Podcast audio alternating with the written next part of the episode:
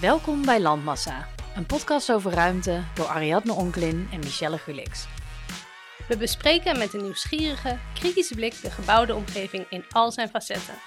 De zaken die ons opvallen, de personen en organisaties die dit vormgeven en de mensen die het beleven.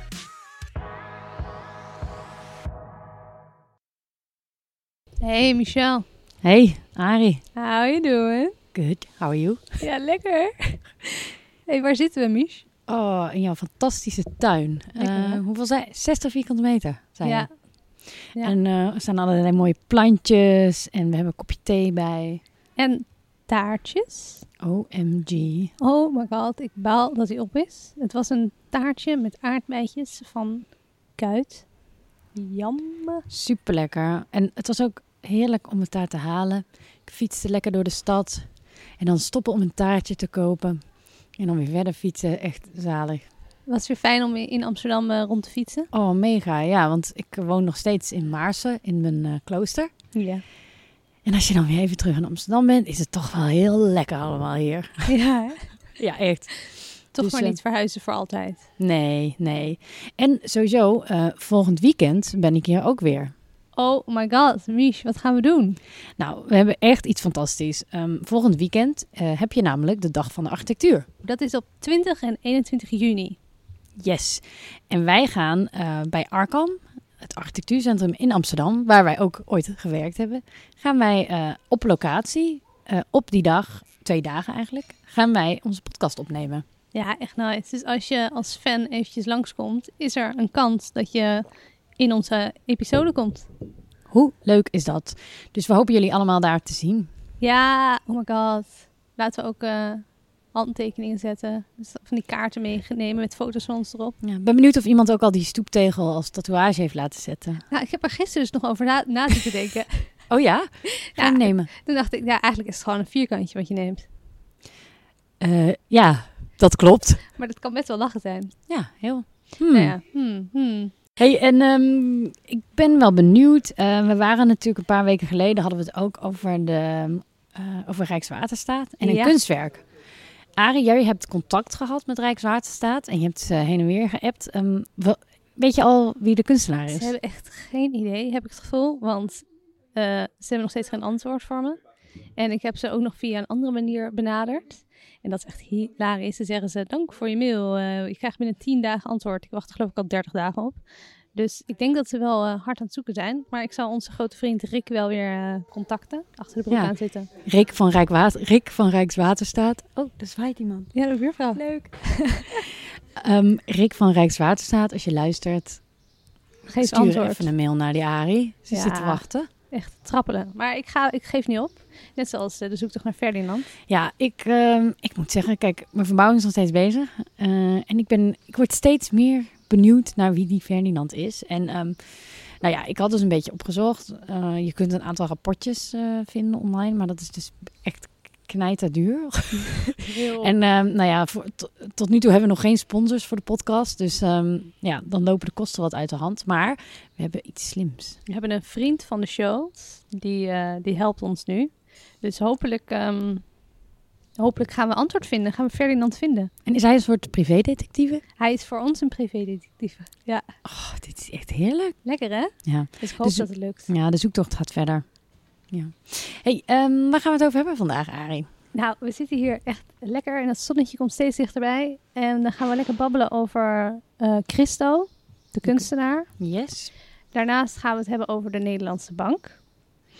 En uiteindelijk gaan we het ook nog hebben over het fenomeen bibliotheken. Want Michel is in Utrecht in de bieb geweest. Jazeker. En ja, ik, was, eh, ik heb me verbaasd over het fenomeen fietsenstalling. En toen ben ik in een black hole terechtgekomen en echt fantastische dingen heb ik ontdekt. Dus ik heb echt super veel zin in. Super. Nou, ehm, Let's let's, go. go.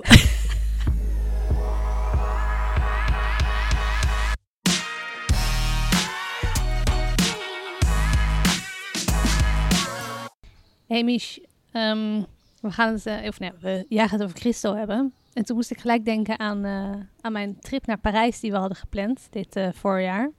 Ging ten eerste niet door door corona, maar ten tweede ging het niet door omdat er vogels nestjes hadden gebouwd in de Arc de Triomphe. Want de bedoeling was dat Christo dit jaar de Arc de Triomphe ging in- inpakken. Ja. Ehm, maar dat ging niet door, omdat er vogels in zaten. Oh, Nou, nou, ik- ja. Maar ja, goed, die arme vogeltjes, die hadden Ja. net een lekker plekje daar. Dus- Midden op dat verkeersplein. Ik weet niet waarom een vogel daar zou gaan zitten. Geen idee. Mooi, mooi misschien. Maar er is goed nieuws, Arie, want ehm, volgend jaar gaat dat door. Want eh, inderdaad, ik wilde het eh, vandaag even met jullie hebben over, eigenlijk over een kunstenaar. Dan denk je, eh what the fuck? Ik zit toch in een eh, architectuurachtige podcast. Maar we hebben het dan ook over een kunstenaar die eigenlijk ook een beetje, nou Hij gebruikt Ruim- architectuur als drager. ja, en het is ook een soort ruimtelijk kunstenaar. Dus hij voegt dingen toe in openbare ruimte. Ik vind het totaal geschikt voor onze podcast. helemaal mee eens. Echt. Yes, en helaas is hij eh, een paar weken terug overleden. Sad. Zet. En eh, zijn vrouw was al, ik geloof in 2009 overleden, Jean-Claude. Ja. En zij deden alles samen. Alles. En het rare is eigenlijk dat ze bekend zijn onder de naam Christo. Maar zij was vaak de brains eigenlijk erachter, toch? Nou, ze, inderdaad, in het, hun eerste jaren stond alles altijd bekend. Alle kunstwerken die ze maakten eh, stonden inderdaad onder die naam Christo bekend. Maar ze hebben ergens in de jaren negentig, geloof ik, hebben ze, hun, ehm, hebben ze al hun werk, ook wat ze al veel eerder hadden gemaakt, dus tientallen jaren eerder, hebben ze allemaal laten hernamen, of zo, hernoemen. Hebben ze allemaal laten hernoemen tot Christo en Jean-Claude. Dus ze hebben eigenlijk best wel tof eh, gewoon eh, haar naam overal opgeplakt. Want Dat verdient ze ook, want ze, ze Ja, werkt daar mee. Waarom totaal. zijn ze daar niet mee begonnen gewoon? Nou, ze zijn begonnen. Zij was eigenlijk geen kunstenaar toen ze elkaar ontmoetten. Ehm, want eh nou, Christo is een Bulgaar, inmiddels ook een Amerikaan. Ehm, en Jean-Claude was zijn vrouw, een Franse dame. En toen ze elkaar ontmoetten, toen ze nog heel jong waren, toen was Christo al een kunstenaar, maar zij eigenlijk niet. En zij ging toen vanaf dat moment gewoon eigenlijk meedoen met hem. Ehm, en het is gewoon een totaal duo geworden. Maar omdat in het begin hij dus eh, alleen de, officieel de, de titel kunstenaar had, hebben ze eerst zijn naam gekozen. Oké. Trouwens, heel interessant, eh, want hij heet dus gewoon, hij heeft een hele ingewikkelde achternaam. Christo Vladimirov Javachev. Wauw. En Jean-Claude, sowieso is dat al best een chique naam, die is eigenlijk Jean-Claude Dena de Guillebon. Wauw. Dus best wel een chique dame ook, echt best van adel. Ehm, en nou ja, die waren echt onafscheidelijk, die twee. Ehm, maar, eh, leuk feitje. Eh, ze reisden natuurlijk heel erg vaak ehm, samen voor hun eh, kunstwerken om het op locatie te bezoeken. Ja. En ze vlogen altijd allebei in een apart vliegtuig dat, Dat- als één neerstortte. Dan kon de ander het werk voortzetten. Dat meen je niet. En dat meen ik wel. Cool toch? Het is wel cool dat je dan jezelf opoffert, zodat je partner nog verder kan. Ja, toch? Ja. Nou, opoffert. Nou ja, je neemt wel een risico. Door, nou, Ja, Oh, gezellig. Ik zou liever Ja. samen sterven dan alleen. Ja, maar, ik, ik ook. Ja. Het heeft iets heel raars dat je daar ook zo actief over nadenkt. ja. Ja, anyway, de, ja, ik ben echt mega fan van hun werk. Want eigenlijk, ik denk dat ze het meest eerst bekend zijn geworden door de Valley Curtain. Die ze ergens in een vallei in Californië. eh, hebben ze alle, het hingen maar een paar uur, want al hun werken zijn tijdelijk. Ja. Je moet het ervaren op die plek, op dat moment. En dat is de enige keer dat je het kan zien. Dus het wordt nooit herhaald of, of eh, ehm, er op een andere plek nog nagedaan. Ehm, maar toen hebben ze gewoon een gordijn over die vallei gespannen. En dat, was het, dat is het kunstwerk. Maar het ziet er fantastisch uit. Echt fantastisch. We even wat beelden meenemen in de show notes. Zeker weten. En wat ik wel interessant vond, want hun werken zijn ook altijd op grote schaal. En nou ja, waar ze vooral bekend om zijn, zijn natuurlijk die inpakkunstwerken. Ja. Wat zij trouwens absoluut niet fijn vinden als mensen het zo noemen. Dat ze hem inpakkunstenaar noemen. Oh, Nee, dat, eh, want het, het, is, eh, het is een kunstwerk. Het is niet inpakken. Het gaat om veel meer dan dat. oh oké. Het gaat om een ervaring voor mensen. Ze vinden inpakken niet, niet leuk. Oké, oké, zullen we het niet meer zeggen? Nee, Arie. Sorry. Nee. Goed om te weten. Ehm, maar eh, wat echt opvalt is dat eigenlijk de foto's die je altijd ziet van hun werken zijn altijd uit de lucht gemaakt. Ja, Of bijna altijd. Eh, bijvoorbeeld denk maar aan de Rijksdag die ze hebben eh, ingepakt. Eh, maar daar strijden ze dus eigenlijk ook best wel tegen. Ehm, want hun werk is vol- volgens hun echt gemaakt om vanaf de grond te ervaren. Dus als, als wandelaar of gewoon een, ja, als bezoeker. Maar voor een foto snap ik dat het spectaculairder is als je het totale Ja. beeld hebt. Het is bijna, het lijkt wel haast gemaakt voor een soort de drone-generatie, die kunstwerken. Ja, dus ze zijn eigenlijk te vroeg hebben ze Ja, misschien wel. Ja. Nou, en ehm, ik heb dus deze week, eh, om, eh, omdat het allemaal weer in het nieuws was, eh Christo en Jean-Claude, heb ik die documentaire gekeken, Walking on Water. Ja. En Arie, je vertelde dat jij hem ook hebt gezien. ik heb hem al een tijd geleden gezien, ja. Ik vond het echt fantastisch. Wat Ja. jij? Ik ook. En ik heb hem gezien omdat ik dus eh, vorig jaar in Italië was. En toen was ik dus in het dorpje waar dat kunstwerk was. En er hingen overal van die prachtige foto's. En ik dacht echt van, oh my god, ik heb deze foto's ooit voorbij zien komen tijdens kunstgeschiedenis of zo. Maar ik heb niet gerealiseerd dat het dit dorpje was. Ja. En het- ik vond het heel erg jammer dat we dus te- een paar jaar te laat waren. eh, om het niet te kunnen hebben ervaren. Ja, Maar het was daarom heb ik die docu gekeken. Om het maar zeggen, toch een beetje te ervaren. Ik vond het Ja. echt een heel erg mooie docu. ja onwijs leuk. En eh, nou, het gaat eigenlijk, die documentaire gaat over ehm, Christo. En dat is eigenlijk nadat Jean-Claude al is overleden. Ja. Eh, en hij werkt nu zelf, of hij werkte zelf, aan het project Floating Piers. En wat het eigenlijk is, is ehm, hij maakt een soort, inderdaad, een drijvende pier. Knaloranje, midden op een meer. En het gaat ook om een aantal eilanden heen. En in de documentaire zie je de aanloop naartoe, wat ook best wel lastig is met slecht weer. Nou ja, probeer maar eens een eh, groot oranje soort tentdoek over drijvende pontons eh, te, te spannen terwijl het eh, de storm uitbreekt. Dus dat is al fijn om te zien. En op een gegeven moment krijg je dus ook het probleem dat het kunstwerk eigenlijk veel te populair wordt. Ja. Dus dat dorpje en die piers worden totaal overspoeld door bezoekers. En, Heel Eh. Italië staat daar vast in de file. Heel die logistiek trekt Ja. het niet. Nee. en, eh, en je ziet vooral heel veel heerlijke scènes waar Christo en zijn assistent, wat ook zijn neef is, die eh, met, onwijs met elkaar bekvechten. En hoe ze elkaar afkafferen. En, en de, de burgemeester en de, de, de, bouw, de, de aannemer. Maar het is zo heerlijk om te kijken. En ook echt indrukwekkend als je over nadenkt dat Christo en Jean-Claude nooit subsidie bijvoorbeeld hebben aangenomen. Dus zij hebben al hun werk uit eigen zak betaald ja, door schetsen ehm, te verkopen van, van hun projecten. Zo slim. Gewoon je eigen kunst steeds opnieuw financieren. Ja, dus eigenlijk zou je ze ook bijna een soort, ja, best ehm, een soort projectontwikkelaars zijn ze eigenlijk. En Ja. ehm, ze, ze zoeken gewoon ergens geld op een bepaalde manier en ze gaan daarmee gewoon doen wat zij willen maken. En dat vind ik ook wel bijzonder en, eh, en prijzenswaardig eigenlijk dat je dat zo eh, aanpakt. Ja, ze geloven dus echt heel erg in hun eigen... Of geloofden heel erg in hun eigen kunst en eigen kunnen en de Ja. kwaliteit ervan. Ja, en, ehm, ik heb een aantal interviews ook met, die, met Christo gelezen. En wat hij ook zelf aangeeft van... hun enige doel met hun kunst is niet om hele diepe lagen of hele heftige dingen te doen. Ze willen gewoon een mooie ervaring bieden aan bezoekers. En dat je dat gewoon... Je, dat je daar je levenswerk van maakt. Fantastisch. Ja, dus ik denk dat er wel echt een soort kleine legende is overleden. Ik denk Helaas. het ook. Ja. Maar gelukkig gaan ze toch nog dus in zijn legacy... Of hun legacy volgend jaar Ja. de Arc de Triomphe inpakken. Ja, het staat nog steeds gepland. eh, dus 2021. En ik hoop dat er dan geen eh, vogelnestjes aan hangen. Ik hoop ze ook niet.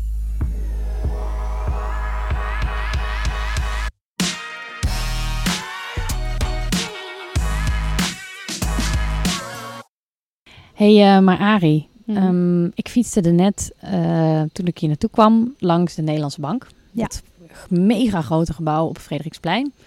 En ehm, je vertelde me dat jij daarin bent gedoken en je hebt eh, allerlei nieuwtjes eh, opgepikt. Tell me. Afgelopen week eh, las ik een column van Vincent van Rossum, eh, architectuurhistoricus. Ehm, de man bij wie ik ben, ooit ben afgestudeerd. En hij schreef over de Nederlandse bank. En toen dacht ik, nou, wat een interessante invalshoek. Ik ben het helemaal met je eens. Eh, dus ik dacht, dat ga ik eventjes met jullie delen. Goed idee? Top, heel goed idee. Ik ben benieuwd. Oké, de Nederlandse Bank. Die staat, eh, zoals je al zei, op het Frederiksplein. En het is een, ehm, best wel een kolos. En het staat op de plek waar vroeger het Paleis van de Volksvlijt stond. Ja. Eh, dat is afgebrand. En toen hebben ze een Nederlandse bank daar gebouwd. Is gebouwd in 1961, of ontworpen in 1961 en gebouwd in 1968. Het is ontworpen door eh, een architect die heet Duintjer.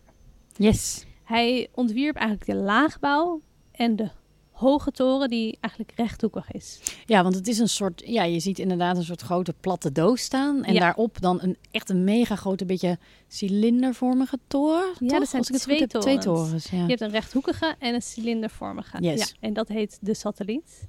En dat is later toegevoegd in 1991. Oh, echt waar? Ja, dat hoort er niet bij.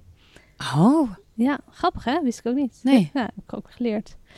De planning is dus, eh, het gebouw staat eh, meer dan vi- 50 jaar, dus het is toe aan een opknapbeurtje. Ja, zeker. verduurzaamd worden.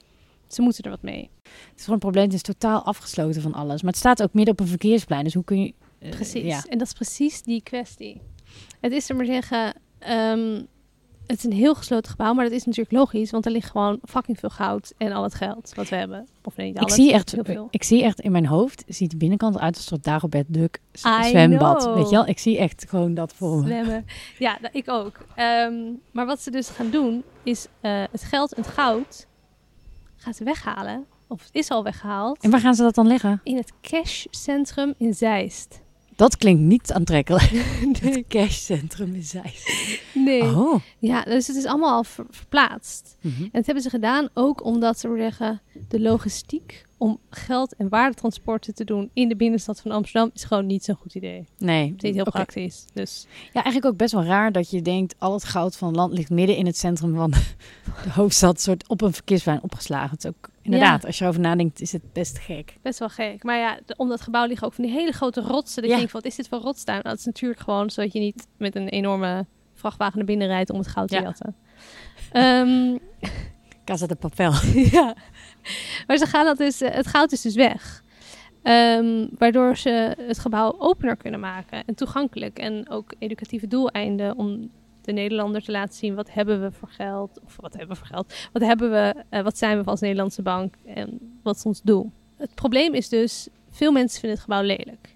En ze dachten, oké, als die kluis weg is, lekker, lekker eh, neerknallen en we bouwen er iets nieuws op. Maar ze hebben dus bedacht om die satelliet, die ronde toren, weg te halen. Mhm. Volgens Vincent van Rossum breekt dat ook echt alle architectonische waarden af. Zullen we maar zeggen, die ronde toren dat die erbij is gezet. Ja. En ze gaan weer terug naar het oorspronkelijke ontwerp. Naar Van Duintjer. Maar dan verbouwen ze het of renoveren ze het en maken ze het transparanter. En dat vind ik best wel knap. Dat ze daarvoor kiezen. En Vincent van Rossum zegt ook in zijn column... ze hebben een grotere visie eh, dan dat hij had verwacht. Omdat het is architectuur uit de jaren 60. Ja. En dat is dus een architectuur die niet echt als waardevol wordt beschouwd. Omdat mensen het vaak lelijk vinden. Ja. Zo had ik dus deze week een discussie met een collega. En die, was, ehm, die werkt niet in erfgoed. En nou ja, daar moest ik gewoon even mee babbelen. En die zei, ja, kijk, Amsterdamse schoolpanden. Ik snap wel dat je die laat staan. Maar ja, dit is toch gewoon, ja, het heeft niet een hele spannende gevel. Dus eh, waarom eh, slopen we het niet? En toen heb ik dus uitgelegd, ja, maar het gaat niet om de gevel. Tuurlijk, soms gaat het om de gevel. Ja. Het gaat om de waarde wat het pand kan hebben. Dat kan architectonisch zijn, architectuurhistorisch, cultuurhistorisch. ja, zeker. Het kan, zo zeggen, zoveel meer verschillende waarden hebben dan enkel een geveltje. Ja, en ik denk ook, ehm, als je kijkt naar bijvoorbeeld duurzaamheid, eh, als je nu dat hele ding gaat slopen, wat nog, eigenlijk nog niet heel lang staat, is niet, en iets nieuws gaat bouwen, is ook niet duurzaam. En bovendien, dat nieuwe wat je bouwt, is misschien dan, vinden we over 40 jaar ook weer extreem lelijk. Dus Ja. lelijkheid en zo is ook geen, wat dat betreft geen waarde, zeg maar. Nee, het gaat niet om esthetiek. nee. Esthetiek moet je gewoon de deur uitgooien. Want vroeger vonden we dit vast, waar, wij wonen ook een periode lelijk of onhandig. Of sowieso dat het Ja, koud is, ja. want het heeft geen enkel glas en shit. Maar ehm, daar moet je zeg maar niet naar kijken. Het gaat om de waarde, om de, nou ja, super interessant. Dat is een discussie die ik ongeveer dagelijks kan voeren natuurlijk op mijn werk. En daarom vond ik het ook leuk dat Vincent van Rossum het aansneed, dit onderwerp bij de Nederlandse Bank. Heel erg goed. En eh, het bureau wat het dus gaat eh, renoveren is Meccano Leuk. van Francine Hoeben. Eh, maar zij gaat lekker renoveren. En ehm, in november zijn daar de eerste renders eigenlijk voor naar buiten gebracht. En het ziet er echt super leuk uit. Want het- Oh, ja, ik ben heel benieuwd. Ik heb nog niks gezien. Niet? Tof. Nee, Oh, nee. we nemen het op in de show notes. Yes. Het is er moet je zeggen, ehm, echt transparant. Ze doen glazen gevels, komen er toegevoegd. Het water wordt er meer bij betrokken, want het ligt natuurlijk gewoon een Klopt, half ja. naast de Amstel. Het heeft een soort slotgracht ook. Ja, Toch? precies. Ja. En eh, wat ze ook doen, is de binnentuin openmaken. Oh, wat goed. Dat zou cool zijn, En hè? wat komt er dan in? Wat wordt de invulling precies? Een soort... Gewoon, het blijft de, bank functie wel. van de Nederlandse bank. Oh. Ja. Maar ze hebben gewoon niet meer zoveel heel veel ruimte nodig. Omdat ze ook in Zeist en dat cashcentrum. En daar gaan ze ook het onderzoek doen naar vals geld en dat soort dingen. Dus dat gaat allemaal uit het pand. En dan ga je het gewoon teruggeven eigenlijk een beetje aan de Amsterdammer. En zeggen, joh, jullie mogen gebruik maken van de openbare ruimte. We geven het meer open. En dan, ja, gewoon ook het informatiecentrum erin. Heel tof. ik hoop hè? wel dat ze ruimte overlaten voor de Dagobert Duck Experience voor bezoekers. Oh my god, dat In de zal kelder? leuk zijn. Of eh, van dat chocoladegeld. Oh ja, Dat zal leuk zijn. heel cool. Misschien moeten we eens even bellen. Even Mhm. Francine bellen. Hey, Ja, eh, je hebt al lijntjes lopen, toch? tuurlijk. Maar die kluizen liggen er nog. Die, zullen ze, die zitten onder de grond. Die zullen ze niet slopen. Ja, wat moet je daarmee? Ja. Nou, in zwemmen dus.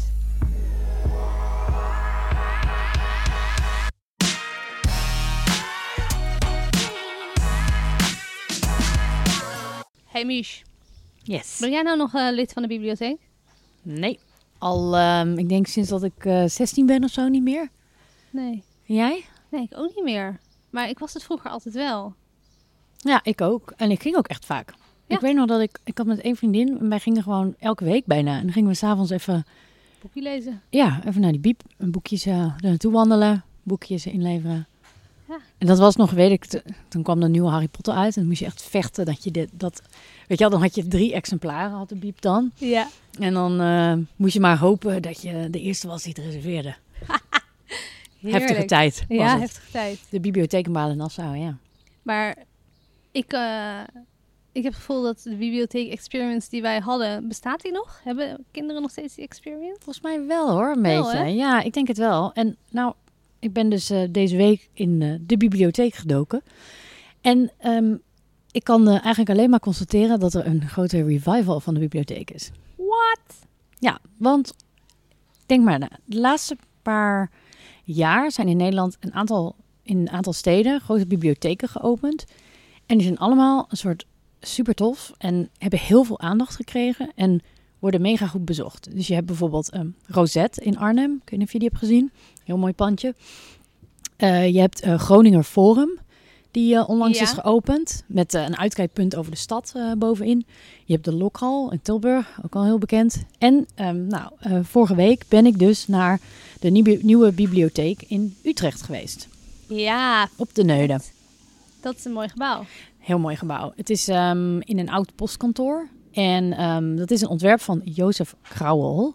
En het Is familie van. familie van, want zijn achterneem is Mels Krauwel van Bentham Krauwel. En die is de zoon van Wim. Wim. Van Wim Krauwel. Ehm, het is, een, eh, nou ja, die Krauwels die zijn eh, mega creabea. Heerlijk. Eh, maar het is dus een, een oud postkantoor uit 1924. ja. En het is nu een soort ehm, verzamelgebouw eh, geworden van een aantal functies, waarvan de bibliotheek de grootste is. En ik merkte van, als je daarover leest, van het is inderdaad een gebouw waar een biep in zit, maar ook nog veel meer. En dat is echt iets wat je de laatste tijd onwijs veel ziet. Ehm, bijvoorbeeld ook hier in Amsterdam heb je op het Oosterdok natuurlijk de OBA. Ja, Die staat er ook al best wel een tijdje, volgens mij wel 20 jaar. Dat nee, ja, die. 10 jaar. Maar dat is ook al, daar heb je bovenin zo'n Laplace eh, met best wel leuk uit, uit, eh, Ja, super. uitzichtpunt. en, En- beneden ook s- heel leuk grote kinderafdeling. Je hebt studiezalen en zo. En ze hebben ook bijvoorbeeld een theaterzaal erin. En dat zie je ook bij al die nieuwe generatie bibliotheken, dat er allerlei leuke functies in zitten. Want ik weet nog, mijn bibliotheek was gewoon, nou ja, was gewoon een biep. boeken. was gewoon boeken en het was een rustig. En er lag zo'n soort, weet je wel, zo'n beige kleur tapijt, die Ja. eigenlijk niet echt een kleur heeft.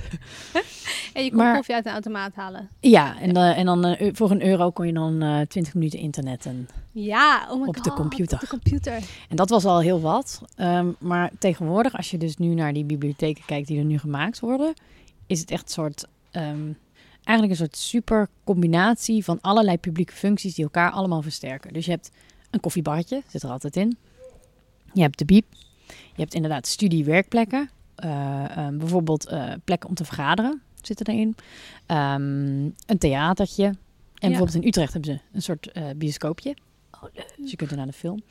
Ehm, Maar dat is ook de, de slogan van de OPA in Amsterdam. Is ook, Mhm. we hebben ook boeken. In plaats van dat je bibliotheek bent, dan denk je aan boeken. Maar dan is, we hebben ook boeken. Ja, het is briljant, want dat is het ook eigenlijk. Ja. En ehm, nou, ik, ik was dus in eh, Utrecht, eh, in die biep, in dat oude mooie postkantoor. Ehm, en het is echt een, nou, dat pand. Ik ben er ooit in geweest toen ik in Utrecht studeerde, toen het nog een postkantoor was. Ja. En dat was, toen was ik al heel erg onder de indruk. En nu om het weer te zien, en het is natuurlijk lekker opgefrist en opgeknapt nu. En ze hebben het grotendeels gewoon intact gehouden. Dus je hebt ehm, eigenlijk de, de, de blikvanger van het hele pand is de, een atrium wat erin zit. Ja. Want je komt vanaf de Neude dus op het centrale plein kom je dus binnen. En dan word je gewoon, nou, dit is zo'n onwijs hoge ruimte. En met, er staan hele mooie beelden die dan de wereld delen of de, de bepaalde landen uitbeelden. Oh, fantastisch. En een hele mooie vloer, heel mooi eh, glas in lood. Nou, het is echt fantastisch. En dat is gewoon zo gelaten eigenlijk. En het is nu een soort eh, lounge. Ja. Een lounge. ja, er staan een paar van die bankjes. Nou ja, het was wel, ik moet zeggen, het was coronatijd. Maar ik heb even opgezocht. In normale eh, Ja. omstandigheden is het een soort, ja, een, ja, een soort lounge. En ehm, daaraan vast zit ook een soort koffietent. Beetje zoals bij het stedelijk, als je binnenkomt dat je Ja, een beetje wel. Ja, een soort- hebt met ja, koffie. Ja, zoiets is het. En ehm, wat me heel erg opviel aan deze renovatie is dat ze het best wel, ik vond, ehm, aan de binnenkant zeker best wel sober eh, eh, gedaan. Dus ze hebben niet eh, hele gekke maffe dingen. Het is best wel een behoudende transformatie, zou ik al willen heeft het zeggen. gedaan? Ehm, het is gedaan door, het interieur is gedaan door Zek en het exterieur door Rijnboud. Oké. En de exterieur is wel wat, best wel wat aan gebeurd. Want aan de kant van de Oude Gracht hebben ze een soort hele grote open gevels gemaakt. In het gebouw. Ja, en Oh, eerst dacht ja. ik wel, "Huh?" maar het is eigenlijk wel goed, want eh, nu kun je aan twee kanten eh, dat pand binnen. Binnen buiten effect. Ja. En aan de ene kant zit er ook, een, eh, het is dus inderdaad echt een maffe combinatie van functies, want aan de ene kant zit er een bever zwerfspot in. Favoriete winkel, dat wel. Tuurlijk. Hallo. De bever, love de bever. Ehm, en er zit ook een boekenwinkel, Broesen. En dat is heel leuk, want ehm, eerst had je altijd, in, in- waar de bibliotheek voorheen zat in Utrecht, zat hij ook me- samen met die boekwinkel Broesen in één pand. Oh. En nu zijn ze dus ook gezellig mee verhuisd. oh, dat is wel echt Heel leuk. cute. En eh, de Utrechters was ook een food market beloofd, maar dat is nu een Albert Heijn geworden. Dus Oh. daar was wat gedoe om. Dus Ja, dat is een beetje jammer. Wel. Albert Heijn. Monopolie, hè? Maar ik, eh, ik vond het echt onwijs leuk om daar te kijken. Ehm, en ik vond het gewoon, het, het viel me gewoon op dat dat echt een van die topprojecten is die is opgeleverd onlangs. En dat het jaar daarvoor was het, dat, weet je al, die lokhal in Tilburg. Ja, vertel daar echt- wat over. Nou, dat is ook echt een, dat is echt een fantastisch plan. Dat is een oude rijtuigenloods, geloof ik. Nee, rijtuigenloods. Nou ja, voor ehm, de spoorwegen. En die is helemaal getransformeerd door ook een heel team met onder andere Civic, Architecture, Meccano. De, Yes. de vrouw die ook de Nederlandse Ja. bank gaat doen. Zij Ja. is sowieso een soort, zij is de bibliotheek master ter wereld, want ze doet ook eh, in, New York. Ja, de Central Library van, eh van Zij is New al York. badass, hè? Holy Best wel badass, ja. Best wel Even naar de website gaan, jongens. We doen het wel even in de show notes. Ja, het is echt wel even lekker naar die eh, heel projectenpagina. vet. En Inside Outside, is Petra Blesse. En die hebben zo'n soort eh, hele vette gordijnen gemaakt in samenwerking met het Textielmuseum. Dus ook heel leuk, weet je. Dat, de, Tilburg Textiel. Tilburg Ja. Textiel, love it, love it, love it. Petra Ehm, Bles is toch de vriendin van eh onze Ja, vriend Rem ja. Koolhaas? Ja, vriend, onze vriend van de show. Vriend van de show. En ehm, ja, het is eh, die lokaal. Ik moet zeggen, als ik moet kiezen tussen die in eh, Utrecht, en die in. Tilburg, dan kies ik toch wel voor die lokaal, want die is gewoon echt. Spectaculair. Die is niet? zo creabea en weird. En dat is echt van, als je daar binnenkomt, denk je echt, dit heb ik nog nooit ergens gezien. Ze hebben ook heel veel prijzen gewonnen, toch? Ja, ze zijn, eh, waren het beste gebouw ter wereld volgens een, eh, een Wow. andere architectuurwebsite. En, ehm, en daar heb je precies hetzelfde. Er zit ook een koffiebar, komt binnen. Er zit een soort trap die ook als, ehm, als theater gebruikt kan worden. Er zitten plekken voor meetings. Eh, er is een, eh, dat is ook overal dat, de- dat er ruimte is voor bijvoorbeeld het breiklubje. eh, Oh, de, ja. de club van wandelaars, de, buurtfunctie. buurtfuncties. Ik, ben, ik was dus helemaal enthousiast over al die bibliotheken. En ik dacht ineens, inderdaad, er zit zoveel ehm, innovatie eigenlijk in die hele typologie van die bibliotheek. Maar het gaat best wel snel, want als je die biep in, bij de OBA, die is, is door eh Jo Koenen of zoiets ontworpen. Zeg dat goed? Ja, Jo Koenen. Jo Koenen, ja. Door ontworpen en dat was meer dan tien jaar geleden. En toen was die hele, het concept bibliotheek anders dan dat het nu is. Precies. En toen was het nog echt een bibliotheek. En toen was, weet ik nog wel dat de eerste etage had je zo zeggen, de DVD-afdeling. En het was toen echt nieuw. En dan denk je van, what? Helemaal Ja. Heel mind blown. Ehm, maar dat is niet, nu niet meer functioneel. En dus hebben ze heel de boel nu weer verbouwd om het weer toch aan te passen naar Ja. de tijd van nu. Ja, Dus het gaat best wel en- snel. Ja, en je merkt heel erg dat, ehm, dat de bibliotheken niet meer de, de hoofdfunctie is. Het is echt een soort heel goede balans die ze nu weten te vinden tussen allerlei eh, functies. Een soort combinatie van commercieel, maatschappelijk, werk en bibliotheek. Die op een of andere manier zo lekker werkt. En toen ging ik ook eens denken ehm, aan eh, bijvoorbeeld musea.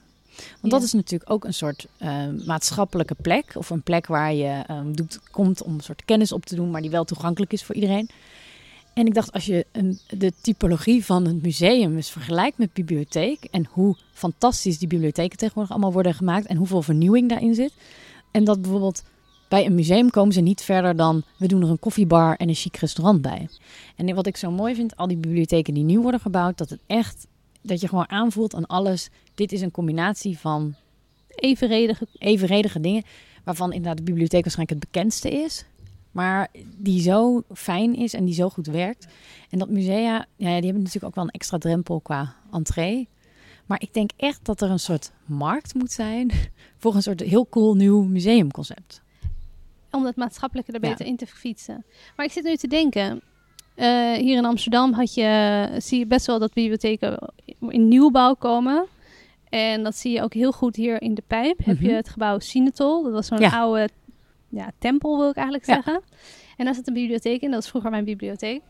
En dat was, is een fascinerend gebouw. Maar in plaats van dat ze de bibliotheek daar even lekker opknappen en weer mooi in dat fantastische pand terugzetten, hebben ze aan de overkant van de straat iets super saais nieuwbouw gebouwd.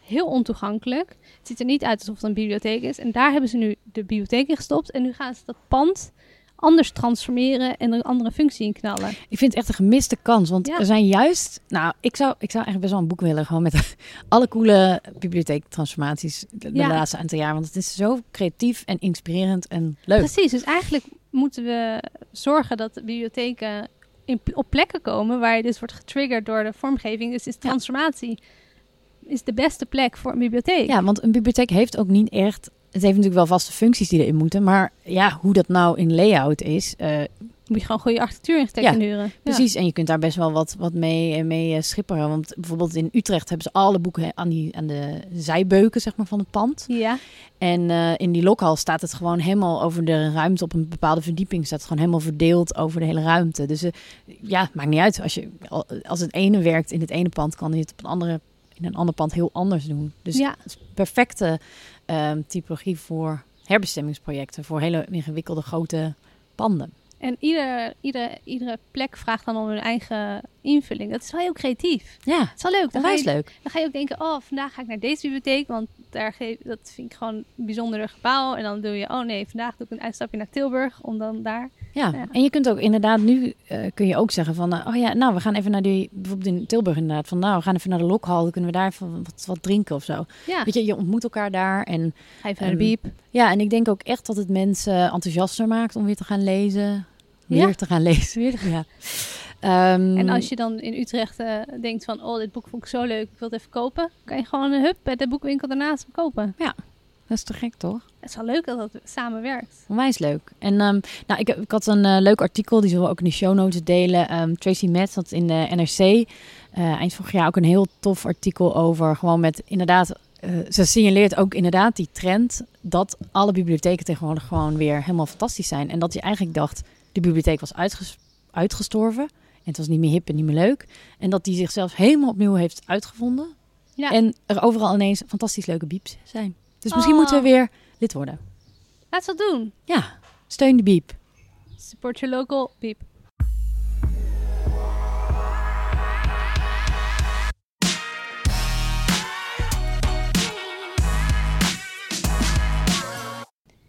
Hey eh, Michel, hè? Hey, Ari. Ehm, ging jij vroeger met de fiets naar school? Ba, nee. Hè? nee. Nee, eh, want mijn school was intro? iets van 25 kilometer of zo.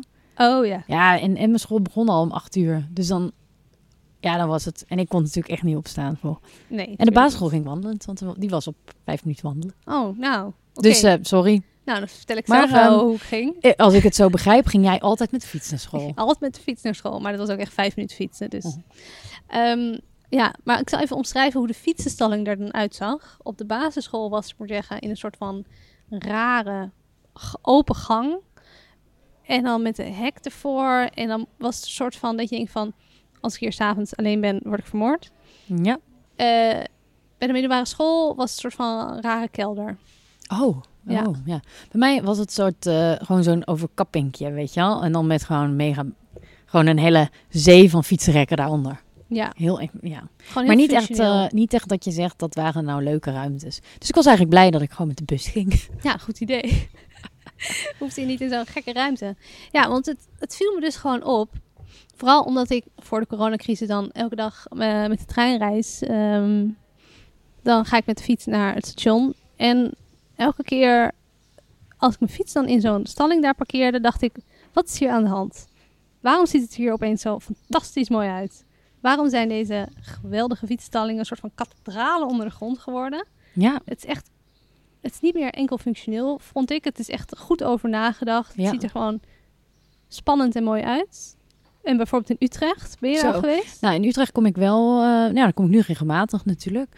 Nou, die is echt ehm, fantastisch. Je hebt echt, volgens mij is het wel vier of vijf verdiepingen of zo. Ja, En, eh, en wat heel leuk is, je ziet echt op, als je op YouTube ook Utrecht Bikes of zo googelt, dan krijg je dus ook van die filmpjes van My Experience. Zo'n gast die gewoon met filmt hoe die door die fietsenstalling fietst. Hoe grappig is dat? Dat dat een soort attractie voor toeristen ook is. het is echt een experience. Ja. Ja. het is de grootste stalling van de wereld. Ja, ja. Bizar. Er kunnen 12.500 fietsen kwijt. En het is ook gewoon best wel vet. Heel vet. En ehm, het was ook echt nodig. Want normaal, ja, hoe onaantrekkelijk en hoe kut is het eigenlijk als je je fiets gewoon moet rammen in een soort lelijk. eh, ja, een, een soort vervelende ruimte. En eh, bijvoorbeeld buiten. En dit is echt, je voelt gewoon van mijn fietsje staat hier goed. En ik kan hier normaal lopen. En, en Het is het niet is zo licht, licht. En, en ja, het is echt fijn. Ja, want ik vond het dus echt... Als ik dan naar het CS moest fietsen en mijn fiets kwijt, was ik eigenlijk... Dacht ik, oh, ik moet een kwartier eerder weg. Want ik moet eerst een plekje vinden. Ja, ja. Ik vond het heel stressvol, want straks mis je je trein. En het was altijd, het is altijd een soort van zee van fietsen. Ja, nou, ik, heb, ik ga eh, eh, voor de coronacrisis, zeg maar, ging ik ook altijd met de fiets naar het werk. Eh, sorry, met de fiets naar het station om naar mijn werk te gaan in Amsterdam. En ehm, ik had op een gegeven moment heb ik, ik vertel natuurlijk niet waar, maar ik heb een plek gevonden waar ik dus altijd mijn fiets kwijt kan. Onder de brug. Misschien. en ehm, ik, ik ben er zo blij mee, want het scheelt je gewoon inderdaad 10 minuten zoekwerk. Ik vond het echt zo stressvol altijd. Bij het CS hebben ze achter het station nu ook allemaal van die pontjes. Oude pontjes waar ze fietsenrek maar op hebben geknald. Oh ja, ja. Dat is ook altijd gezien. lachen. En je hebt ook aan de voorkant heb je een fietsflat. Ja. Die is echt fantastisch. Wist Ja. je dat dat is ontworpen als een tijdelijke fietsflat? Oh, echt? Ja, is ontworpen, is eh, gebouwd, opgeleverd in 2001. Het moest in 2004 weggaan. Toen dachten ze, maar toch niet. Toen wilden ze het geloof ik in 2000. we- Ja, in 2009 wilden ze het weer weghalen. Toen dachten ze, "Mm, toch niet, want we hebben het eigenlijk wel nodig. Toen hebben ze het in 2017 maar gerenoveerd. en nu staat het er nog steeds. Ah. Ja, dus ze hebben duidelijk een, een fietsprobleem. En ehm, toen Maar nu komt er een ondergrondse fietsenstalling daar of zo? klopt, Ja. onder het water voor het station. Daar zijn Vet. ze nu mee bezig. Heel maar vet. Wat een werk. Eh, Maar ja, het is nodig. Als je, ja, Ja, en je hebt dus, ehm moeten we even de show notes opnemen, renders van hoe die fietsenstalling wordt. En dan zie je gewoon, dus ze willen ook dat je dan water ziet. Dat dit je... wordt echt, deze episode wordt echt een renderparty in onze show notes. Echt hè? Alleen maar mooie plaatjes. Love it. Love it. Maar ik zou ook heel graag een keer een episode, eh, episode doen over het fenomeen renders. Dat er altijd heel mooi uitziet. En Ja, dan Daar gaan we renderporno. render- Ja, render naast real life. Dan gaan we, misschien is het leuker voor volgende keer, renderporno. Heel leuk. Ja, laten we dat doen. Ja. Nou, goed idee. Nou, ehm, waarom zijn er zo fucking veel fietsen? Nou, Nederland is natuurlijk het fietsland. Dat weten we. Ja. Eh, klein, klein feitje, een paar feitjes. Nederland kent meer fietsen dan inwoners. Nou, wisten we al. Of nou ja, voor mij was het geen nieuw, nieuws. Ehm, jaarlijks fietst elke, gemiddeld, elke Nederlander gemiddeld 1000 kilometer. Wow. Dat is echt veel. Dat is dus naar eh, Zuid-Frankrijk. Ik weet niet. Best wel ver. Zoiets, ja. Ja. En ehm, ruim een kwart van al onze verplaatsingen gaat via de fiets. Wat goed. Goed hè? Maar het Rijk die zegt, ja, leuk jongens, eh, is nog niet, niet genoeg. We willen die Nederlander uit die auto krijgen. Goed zo. Heel goed. Dus hebben ze bedacht, voor deze regeringstermijn willen ze 200.000 extra mensen op de fiets krijgen. Wow. Ja, best wel veel. Wow. En daar hebben ze natuurlijk ook heel wat geld voor eh, opzij gelegd. Geparkeerd. Geparkeerd. Oké. Oké. Nou, ze hebben dus een nieuw rijksbeleid gemaakt. En dit is echt een parel. Het heeft de naam Tour de Force. Nou, ze zetten dus in om het aantal fietspaden te vergroten. Mhm. Fietssnelwegen te maken. Ja, ja. Heel chill. Fantastisch. Ja. Dat je dus gewoon geen kruispunt of geen fietspad, eh, geen stoplicht hebt. Lekker een beetje e-bikey. Heerlijk. Lekker huppakee. En ehm, nou, ze willen gewoon eh, iedereen lekker op die fiets krijgen. Weg met die auto. Huppakee, lekker duurzaam op de fiets. Mhm. Goed voor het milieu. Ehm, nou, dan willen ze dus ehm 200.000 extra fietsforensen toevoegen. Mhm, ja. Maar ja, uit onderzoek van actieplan fietsparkeren, AFP, is eh, naar voren gekomen dat ehm, in 2020 een fietsparkeerplekken tekort is van 48.000 plekken. Wow. Dat is best wel veel. En in 2030 worden dat 98.000 plekken. wow. Ja. Nou, Dus er was actie nodig. dus Tour de Force gaat zich daar eh, hard voor maken, hoop ik. Zeker weten. Ehm, nou ja, ze moeten dus gewoon heel erg fietsen parkeerplekken maken. En eh, ze hebben dus ehm, helemaal beleid en dat soort dingen ervoor opgesteld. En ook gemeentes. En het is echt fantastisch, want ze hebben iedereen erbij betrokken. De ANWB, de NS, de ProRail. Ze hebben dat wel goed aangepakt. Ja, fijn. Dat is wel knap. Ehm, maar ja, nu valt het me dus op dat inderdaad overal van die prachtige fietsenstallingen ontstaan. Mhm. Maar dat je ook in de stad, in de binnenstad, eh, maar ook gewoon in de pijp en overal heb je nu ook allemaal fietsparkeerplekken. Binnenshuis of onder de grond. Ja, in van dat je denkt, oh, dit is een gewoon huis. Maar dan is het eigenlijk een stiekem een, een, eh, een parkeerplaatsje. Ja. Ja, ja. ja, in Utrecht heb je het ook inderdaad, in de binnenstad. Ja, Dus dan willen ze eigenlijk die fietsen uit de openbare ruimte halen. En dat snap ik wel, want het geeft best wel een troeperig beeld. Ja. En de New York Times, die had laatst ook erover geschreven. Die zeiden gewoon, die hadden het over het fenomeen Nederland fietsland. En dat het gewoon eigenlijk eruit ziet als één grote teringzooi. Nou, daar ze best wel gelijk in als je op het CS rondloopt, toch? klopt helemaal. Helemaal. Nou, dus toen dachten ze, dat gaan we anders doen. We gaan alle fietsen gewoon een mooi plekje geven. Nou, ik had hetzelfde zo over kathedralen. Ik vond het gewoon een soort van fietskathedraal. Maar de architect van de ondergrondse fietsenstalling onder het eh, Beursplein in Amsterdam, dat is eh, van Venhoven CS Architecten, Eh, die trekt vooral in de vergelijking met die mooie, prachtige metrostations in Moskou. Ja. Dat zijn ook van die openbare ruimtes die heel mooi zijn vormgegeven. Inderdaad, daar heb je echt muurschilderingen en, en kroonluchters. Nou ja, dat is Heel natuurlijk in hoog. 19 of 18 zoveel gemaakt. Maar dat geeft wel een soort... Je gaat dan liever met. Je, zeg maar, ja, geeft een soort van allure. ja, zeker weten. Ja, dus en ehm, nou, ik heb dus echt flink moeten graven voor dit eh, onderwerp. Maar het heeft me wel wat een en ander opgeleverd. Ik ben dus in een soort van pdfje gekomen waarin staat omschreven hoe ze dit beursplein hebben ontworpen en waarom. En nou ja, Ja. een leuke voor in de show notes. En ik heb dus even een quoteje. Ehm, ik ga hem even voorlezen. De fietsenstalling Beursplein, ontworpen als ondergrondse kathedraal. Dus kijk, hij gebruikt hem ook Mhm. bouwt voort op deze traditie om van functionele infrastructuuropgaven verleidelijke ruimtes te maken die bijdragen aan de stedelijke cultuur. Het ontwerp vormt een breuk met de overdekte fietsenstalling zoals we die kennen, gericht op het zo efficiënt mogelijk bewaren van rijwielen. Het is meer dan een beg- be- begraafplaats, maar een bewaarplaats van fietsen. het is een ondergrondse openbare ruimte die voortaan het chique voorportaal van de Bijenkorf, Euronext en de beurs van Berlage vormt. Ja. Ja. Nou, ik moet zeggen, die fietsstalling gebruik ik ook wel eens. Want eh, ik ben wel een, een Bijenkorf-fan. Ja, Ehm, en die is echt heel erg fijn. Ja dus het is een hele lichte, fijne ruimte. En inderdaad, ehm, je wil je fiets daar gewoon graag zetten. Want het staat daar zo netjes. En, en ja, fijn, En je fijne plek is dat. En het is Ja. inderdaad zo van, nou, dit was wel een goede ervaring. Ga ik nu met een fijne ervaring, ga je, zeg maar zeggen, die bijenkorf in. Ja, zeker weten. Want ik luisterde een podcast over fietspaden. Mhm. En eh, daarin stond, vertelde, hadden ze het over het fenomeen de fietser. En dat als je op de fiets zit, dat je heel snel automatisch soort van gehaast en een soort van in de paniek raakt. Klopt. En dat door zo'n voorportaal, zo'n mooie rustige fietsenstalling, ben je dus lekker rustig. En dan ga je heel rustig, maar zeggen, ook zo'n Nou, want je hebt ook inderdaad in dat soort fietsenstallingen, je, je ziet vooraf meestal van hoeveel plekken er nog vrij zijn. Dus je hebt ook nooit dat, inderdaad, dat onwijzige stress wat je hebt bij het station als je je fiets ergens moet plempen. Ja, dat je denkt, welk En pad kies ertussen ik? wringen. En dan heb je altijd mensen met zo'n bakje voor op de fiets. I know. Oh, Die nemen altijd vet veel ruimte in. ja. Daarom, ehm, je hebt bij sommige fietsparkeerplaatsen zeggen ze hier nog 28 plekken. ja. Maar ze zeiden van, ik geloof in Utrecht of in, bij station Zuid, zeiden ze ja, dat is informatie die leuk is en feitelijk. Maar nobody cares. Ik wil gewoon weten of er nog plek is. Mhm. Dus geef je het gewoon enkel aan met een groen lampje in plaats van dat je al die informatie op je ja, afkrijgt. eigenlijk ook slim. Best wel ja, slim. Daar zeker. best over nagedacht. Nou ja, ik ging verder en verder in, eh, in dit zwart gat. En ehm, daar stond dus dat de eh, fietsenstalling dus niet meer is dan een fietsenstalling. Het is een beelddrager geworden.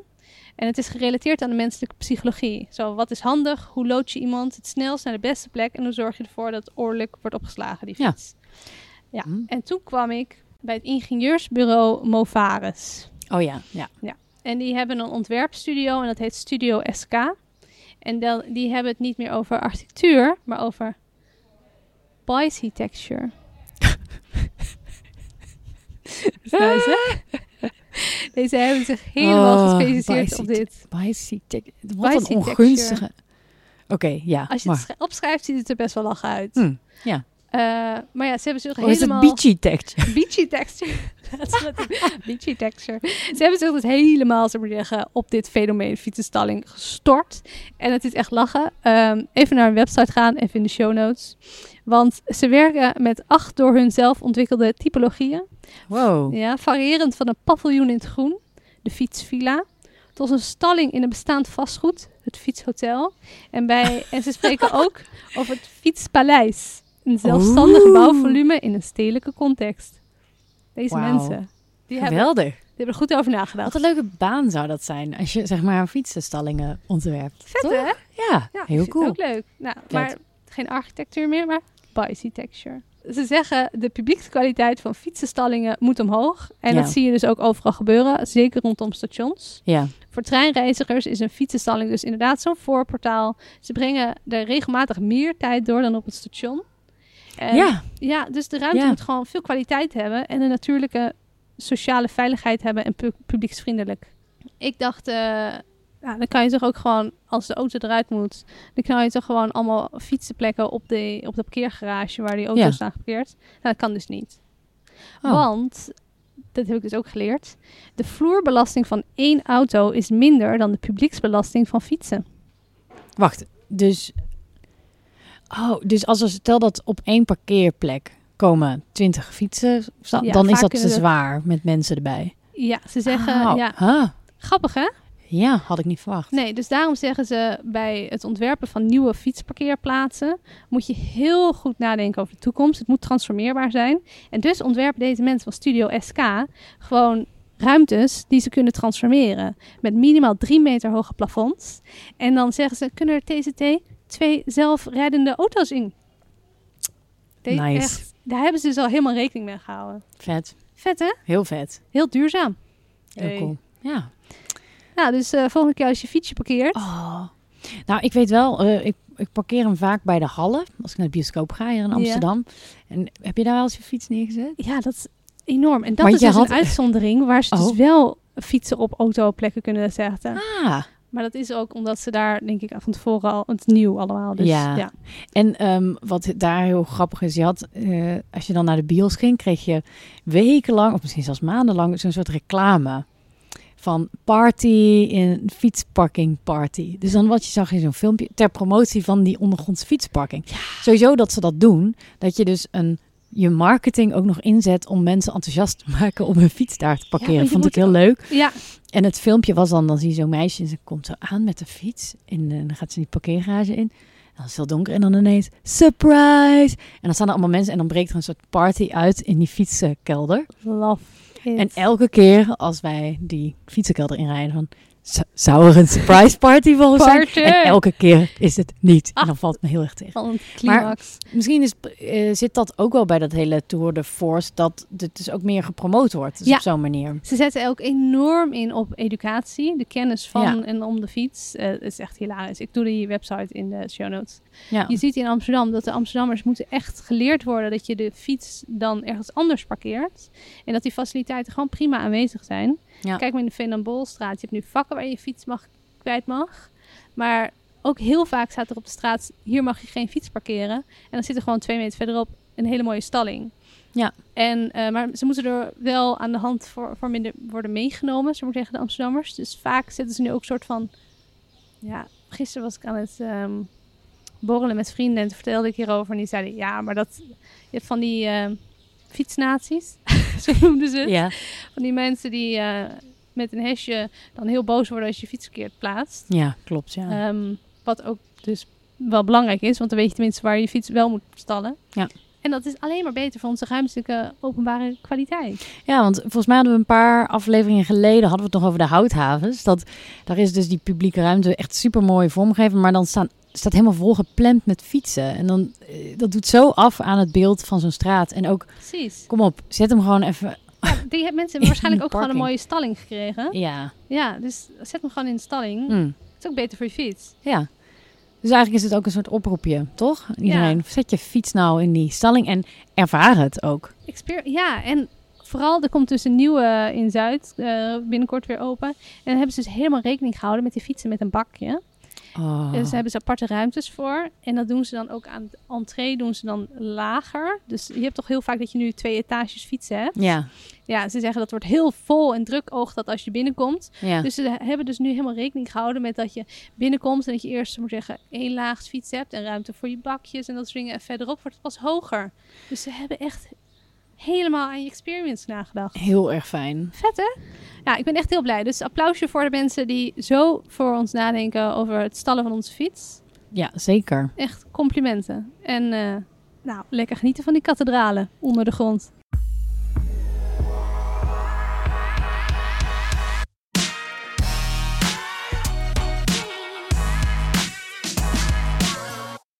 Hey Mies, gaan we binnenkort gewoon weer lekker fietsen naar eh, onze volgende aflevering? Jazeker. Ehm op 20 en 21 juni zijn wij dus te vinden bij Arkham. Waar we eh, de hele dag live gaan opnemen en rondlopen en mensen interviewen. Ehm, kom langs en eh, wie weet hoor je jezelf dan in de podcast En volgende waar gaan, keer. zo- waar gaan die twee dagen over? Dag 1? De, dag 1 zal gaan over de kanon van de Amsterdamse architectuur van de laatste 20 jaar. Hartstikke leuk onderwerp. Waar eh, jij ook als stadsinwoner, of misschien kom je wel van buiten de stad, ook zeker over kan meedenken en eh, je mening over kan geven. De tweede dag, dus 21 juni, de zondag, gaat over ehm, ornament. En dat is ook het onderwerp van eh, de tentoonstelling die nu bij Arkham te zien is. En ehm, nou, dan gaan we praten over wat, wat is eigenlijk een ornament en wat doet het voor architectuur. En hoe, hoe denken architecten daarover? Super interessant. Hartstikke leuke thema's, dus we hopen jullie te zien. En we zullen ze ook TCT natuurlijk eh, lekker knippen en editen en als een bonus aflevering toevoegen. Yes, zeker weten. En dan eh, heb je gewoon eh, de dag van de architectuur in je oren. Zeker. En, maar kom op de dag zelf langs, want dan krijg je veel liefde op anderhalve meter afstand van ons. en, wie, en wie weet koop ik een biertje voor je.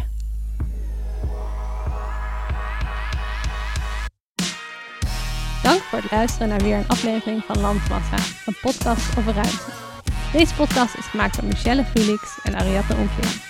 Vergeet je niet te abonneren op deze podcast in je podcast-app en volg ons op Instagram, Landmassa-podcast. Ook voor de show notes of bezoek lekker onze website www.landmassa.nl. Doei!